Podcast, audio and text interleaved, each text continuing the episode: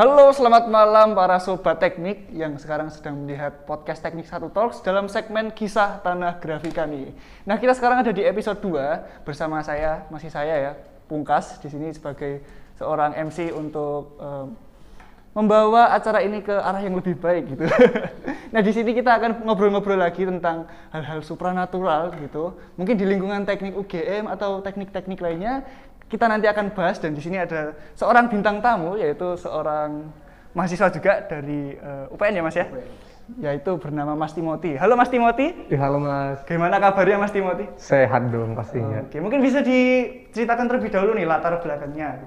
Um, sayanya kuliahnya di UPN nih, Ya. ambil teknik geologi Benar. angkatan 19. Oke, oke. Berarti eh, sama-sama anak teknik ya? Anak teknik juga dong. Oke, ya udah. Kalau begitu kita akan langsung saja ngobrol-ngobrol tentang hal-hal supranatural. Dan di sini eh, sekali lagi di sini sudah eh, ada protokol kesehatan yang sudah kami lakukan. Kami berdua sudah pakai masker ya dengan jarak yang cukup terpisah ya. Nanti kita akan ngobrol-ngobrol secara aman tentang hal-hal supranatural juga. Oke nih Mas, karena di sini Mas Timothy diundang untuk menceritakan hal-hal yang seperti itulah ya. Mas Mas Timothy sendiri apakah sudah pernah nih yang namanya interaksi sama hal-hal yang supranatural nih Mas? Mungkin dalam bentuk makhluk atau ada aura-aura sesuatu gitu Mas? Interaksi tentunya sudah dan itu sering dilakukan dengan pengikut saya. Oh, itu bentuk eh, apa namanya bentuk interaksinya itu seperti apa ya Mas kalau boleh tahu? Kalau interaksi dengan pengikut saya itu kayak ya ngobrol dengan apa apa sih ya ada apa sih kejadian begini itu Hmm. bisa saya lakukan. Oh, kok bisa seperti itu ya Mas? Kok bisa ngobrol seperti itu? Apakah kemampuan khusus Mas itu eh, bisa membuat Mas jadi apa namanya bisa ngobrol dengan orang-orang seperti itu dengan makhluk-makhluk seperti itu? Em, kebetulan pengikut saya itu saya dapat itu di tahun 18 2018. Oh berarti masih baru ya, masih tidak terlalu lama ya? Iya, bukan alami saya dapatnya. Oh itu Nah, melainkan itu dari adat sih. itu mungkin bisa diceritakan mas gimana itu? Oh jadi waktu itu Interaksi. saya saya itu pengen coba ya angkatan. Nah, eh, sesudah itu eh, datang keluarga nih jauh dari Papua sana datang ke main ke Medan. hmm? Terus dibawa saya tuh ke tempat tinggalnya. Terus eh, si ibu ini bilangnya tetap percaya sama Tuhan oh ya, dengan disediain kitab suci dan ada beberapa daun dan ada jeruk purut kalau masih tahu nih. ya tahu. Ya, itu yang identik dengan adat Batak. Oh ya, Nah, si ibunya ini bilang, coba dibuka nih kitab sucinya, tapi langsung tunjuk. Hah. Tak buka, tak tunjuk, itu isinya tentang tanduk-tanduk setan. oh itu kenapa kok bisa langsung seperti itu? Eh, saya kurang tahu sih, ketika saya buka, saya tunjuk, dan isinya itu ayat itu, secara garis besar itu tentang tanduk-tanduk setan. Nah, si ibunya bilang nih, "Eh, ini jeruk purutnya dipotong, dimasukin ke bak, dan tiap pagi itu dimandiin. Kalau secara googling ya, itu menghilangkan ketombe dan mewangikan badan. Oke, Sebenarnya saya nggak tahu sih itu itu yang ngebuat saya didatengin dan dilengketin oleh adat Batak atau tidak itu saya nggak tahu awalnya. Tapi ketika ada suatu kejadian nih di kampus dan saya ceritain ke orang tua, di situ orang tua kasih tahu saya, kasih tahu yang seperti apa?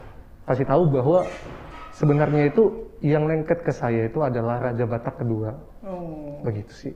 Tapi eh, kejadian menunjuk kitab dan ternyata ada eh, seperti tulisan-tulisan tentang tanduk gitu ya, tanduk Iya. setan itu itu apakah sebuah kebetulan atau memang ada hal lain yang mempengaruhi Mas Timothy eh, yang tiba-tiba bisa menunjuk itu Mas?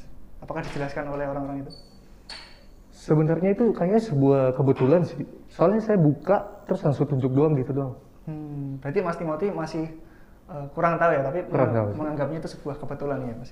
Nah, berarti kan eh, dari hal itu Mas Timothy akhirnya memiliki sebuah kemampuan ya, Iya. kemampuan untuk gimana Mas kemampuannya itu mungkin bisa dijelaskan. Baik itu bisa melihat atau hanya merasakan. Awalnya itu first time saya ras melihat ya, Hmm? itu pada saat di kamar tuh jam 12 malam. Ya. Jadi itu saya tidur menghadap dinding. Pada saat pada saat saya menghadap pintu, tuh ada sosok nenek-nenek bongkok Hmm? ngelihat ke saya. Terus saya kayak auto gitu kan. Ah. Jujur saya dulu penakut mengenai hal-hal mistis gitu. Hah?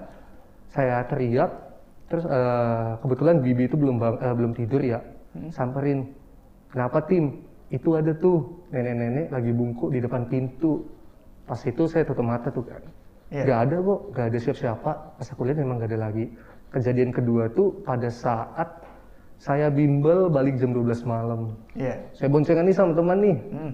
Nah pada saya saat saya ngeliat ke depan itu nih di pundak teman tuh ada tangan nenek-nenek dan sini ada muka nenek-neneknya. Apakah nenek-neneknya sama? Beda mas. Oh beda.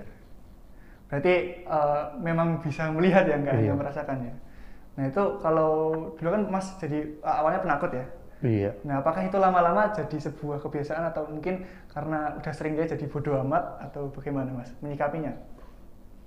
Saya sih lebih ke bodoh amat sih mas kayak kayak saya percaya juga sih di setiap tempat itu pasti ada. Hmm. Jadi kayak setiap ke mana pun kita pasti kita ngeliat kayak udah terbiasa, saking terbiasanya itu kita jadi bodoh amat gitu. Hmm, Kayak ya udahlah gitu. Kalau boleh tahu apakah sampai sekarang masih ada rasa takut untuk melihat hal-hal seperti itu? Sebenarnya sih takut tidak, tapi kayak misalnya kita di kita ngelihat ke kanan nih tiba-tiba ada sesosok gitu kan kayak oh gitu, Kaget agak ya? kaget sedikit gitu. Oke oke berarti ya untuk sekarang udah bisa menghadapi lah ya bagaimana untuk eh, menyikapi orang-orang seperti itu makhluk-makhluk seperti itu maksud saya. Nah tadi kan Mas Timothy sendiri juga udah bilang kalau di setiap lokasi itu pasti ada ya. Hmm. Nah kalau di fakultas Mas sendiri nih di UPN gimana nih Mas di teknik UPN? Di Fakultas Teknik UPN itu ramai dengan hal-hal mistis. Oke Ah.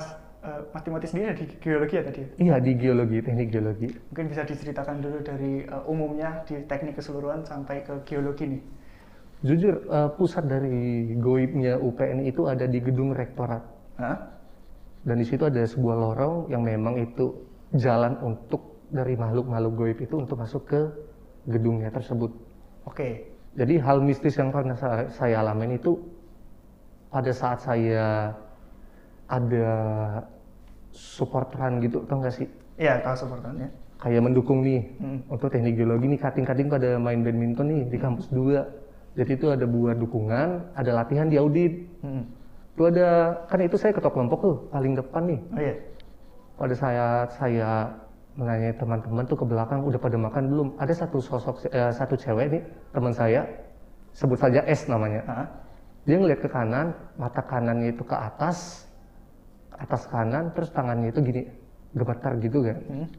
Terus saya tanya nih, Lis, kau kenapa belum makan gak? Hmm. Gitu kan. Udah nggak dijawab dia, tak kira nih teman-temannya pada tahu nih yang cewek ini udah peka gitu kan. Tak kira begitu. Hmm. Saya ke belakang, pas saat saya ke depan lagi tuh ada sosok nenek-nenek lagi Hmm. masuk ke teman saya tersebut. Saya teriak tiga kali nama komandan lapangan saya. Yang ketiganya dia nyaut dan itu si teman saya itu udah jatuh pingsan. Oh. Jadi pas di komandan lapangan ini bertanya kepada si teman saya ini, itu yang ngomong bukan teman saya, melainkan eh, logat Jawa, bahasa Jawa, dan muka teman saya itu kayak ada uratnya semua, tau gak sih? Oh ya kayak eh, kenceng semua gitu Iya, ya? kencang semua. Dia diartikan kayak kalian ngapain gangguin kami di sini? Hmm. Posisinya itu sekitar setengah enam lebih, jadi udah agak gelap gitu. Iya, udah gelap ya. Terus pada saat dibawa nih ke audit yang lebih baik kondisinya, Hmm. Sebagai ketua kelompok yang tanggung jawab, saya pijetin nih kaki nih. Oke. Komandan lapangan saya tuh mijetin kepalanya. Dari posisi rebahan, dia itu duduk selonjoran, tau gak sih? Hah. Ah, pada saat saya ngeliat ke kanan diikutin, mata saya ke kiri diikutin, ke mana pun diikutin, saya bilang ke dia, lu tahu gua, gua tahu lu nih. Hmm. Ngomongin aja di sini Hmm. ada apa? Terus Dia bilang begini, tim, pengikutmu kok jahat sih? Itu di depan cutting, di depan jurusan lain, dan di, di depan teman-teman saya sih. Terus kayak, wah ada apa nih? Ada apa nih kayak pengikut yang mana? Posisi di situ saya belum tahu sama sekali kalau saya diikutin oleh ini. Saya punya pengikut sama sekali belum tahu. Di situ awal mulai saya cerita ke orang tua nih, Pak nih teman aku kemasukan. Katanya tim pengikutmu kok jahat sih. Nah di situ orang tua kasih tahu Hmm. gimana bisa kemasuk eh, kelengketan ataupun kedapatan sama pengikut ini. Hmm. Berarti itu malah jadi suatu pengalaman pertama ya? Iya sih, Buat tahu time. kalau ternyata ada pengikutnya. Iya, Oke, berarti di situ eh, jadi pengalaman pertama di UPN juga ya mungkin ya? Iya, first time di UPN. Jadi kayak misalnya aku nih ketemu nih teman ceweknya ini, kayak aku sapa nih, oi, dia kayak nunduk iya tim, kayak jadi ngeliat aku kayak sebuah setan gitu. Oh berarti dia akhirnya malah takut ya? Iya, Takut sendiri kenapa. sama Mas Timothy? Iya, Oh berarti efeknya apakah masih sampai sekarang? sampai saat ini. Sampai sekarang. Dan Itu temen, eh, kenapa ya kok eh, orang ini tuh ternyata pas dimasukin juga ngelihat atau gimana ya kalau pas dimasukin tuh? Eh, jujur nih, si teman saya ini sebenarnya dari berdasarkan ceritanya, saya pada saat di depan, saya itu mau dimasukin oleh, oleh sosok nenek-nenek yang masuk ke teman saya ini, Oh iya. pengen digangguin. Tapi pengikut saya itu mencegah. Nah, si teman ini pengen memisahkan nih hantu. Tapi dia tidak kuat, makanya si nenek itu masuk ke dia. Begitu. Oh berarti si S ini juga awalnya udah tahu, udah bisa tahu kalau ada pengikutnya itu atau enggak? Si S itu sudah tahu soalnya dia menggunakan ilmu hitam. Oh gitu ceritanya. Makanya kok bisa tahu kok pengikutmu jahat tapi di situ dia nggak nggak seperti kaget-kaget banget gitu loh kan. Iya. Kalau orang awam kemasukan biasanya harus eh, apa ya kaget terus biasanya juga shock gitu ya. Iya. ya. Itu- Oke itu serem juga ya. Berarti au- auditnya gimana Iya, di ya? Di audit. audit ya? Oke untuk rektoratnya sendiri seperti itu. Mungkin kalau di geologi bagaimana mas? Kalau di geologi itu pusatnya itu di lantai dasar di bawah tangga. Hmm. Itu ada ruangan kosong di mana dulunya itu tempat hmm, dia mapalak tapi mapalak khusus teknik geologi yang udah lama dibekukan karena ada maaf seorang mahasiswa yang meninggal. Hmm. dan nama si mahasiswa tersebut diabadikan di ruangan tersebut. Oh, gitu. Nah itu kejadian mistisnya sendiri, eh, apakah pernah ditemui oleh Mas Timothy nih? Biasanya biasanya kan kita tuh pulang lab itu jam 7 malam. Hmm? Jadi tuh biasa kayak ada yang nutup pintu sendiri. Tinggal kita misalnya balik nih kayak ada yang ngikutin di belakang. Terus tangan tiba-tiba ada yang ngegenggam. Itu hal yang udah biasa sih. Tapi eh, anak-anak geologi sendiri apakah udah tahu untuk mahasiswa tersebut Yang yang yang meninggal itu? Sudah sudah pada tahu semua. Sudah pada tahu. Berarti eh, mungkin kalau digangguin, apakah juga kaget mereka atau ya mungkin udah tahu menanggapnya kagetnya cuma sebentar gitu? Em, tingkat seseorang untuk merasakan itu kan berbeda ya. Hmm? kadang ada yang orang yang memang beneran peka, ada yang tidak peka ataupun bodoh amat sama sekali. Hmm? Jadi mungkin aja te- kayak teman tuh tiba-tiba, ya apa sih mungkin nyamuk atau apa gitu. Jadi sampai saat ini teman-teman belum ada cerita ke aku kayak, ini kayak ada yang sesuatu nih, ini kayak ada yang sesuatu nih. Tapi ada satu cerita di lab salah satu geologi nih, jurusan teknik geologi, itu ada hantu berbadan setengah, berwujud cewek, dan dia itu selalu lengket di dinding. Selalu lengket di dinding. Iya, Oke, gimana itu mas?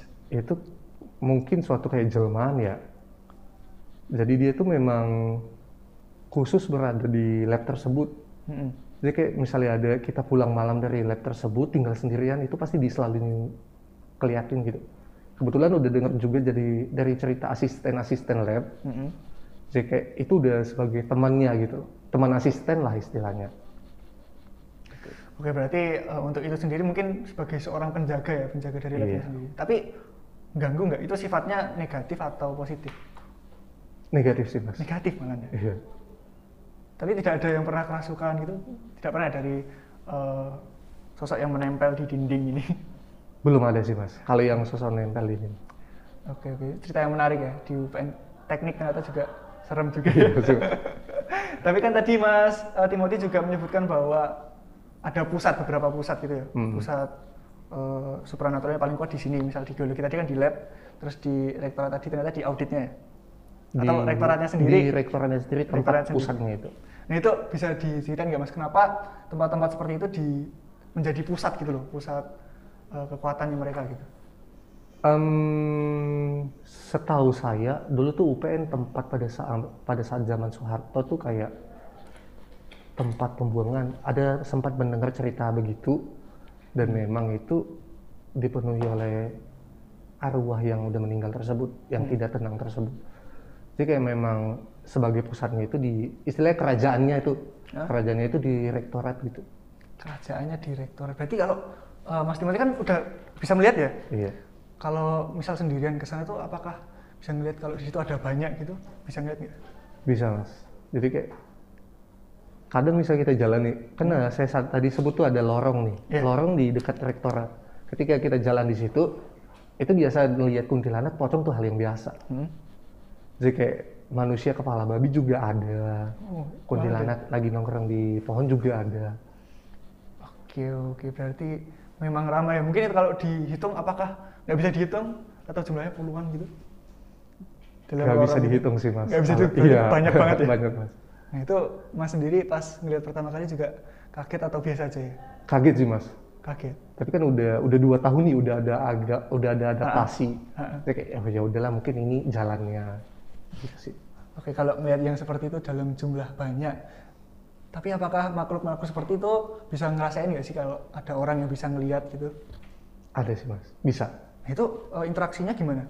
Kalau sama orang awam yang nggak bisa ngelihat, sama misal Mas Timothy ini udah bisa ngelihat kan, jadi eh, perbedaannya gimana nih eh, sikap mereka, sikap makhluk-makhluk ini? ketika seseorang mempunyai sebuah anugerah lah kita bilang Hmm. Itu ada sesuatu aura yang terpancar gitu yang memang tertuju ke si makhluk-makhluk goib tersebut. Contoh nih selama SMA jujur selama saya selama SMA tuh saya tuh tidak mempunyai pasangan sama sekali. Oke. Nggak apa-apa. itu dikarenakan ada satu hal. Kenapa Mas? dulu tuh saya SMA itu bangunan itu bangunan Belanda. Dan dulu ketua padus saya paduan suara saya itu anak indigo. Oh iya. dan ketua saya bilang tim tahu nggak sih kenapa lu sampai kelas 3 SMA nggak punya pasangan kenapa ada satu hantu Belanda yang cewek suka samamu dan selalu ngejauhin lu dari pergaulan dengan cewek begitu sih Oh itu apakah bentuk eh, cara noni Belanda ya mungkin istilahnya? ya? Ah. Itu menjauhkan Mas Timothy dari pergaulan dengan cewek-cewek itu gimana ya?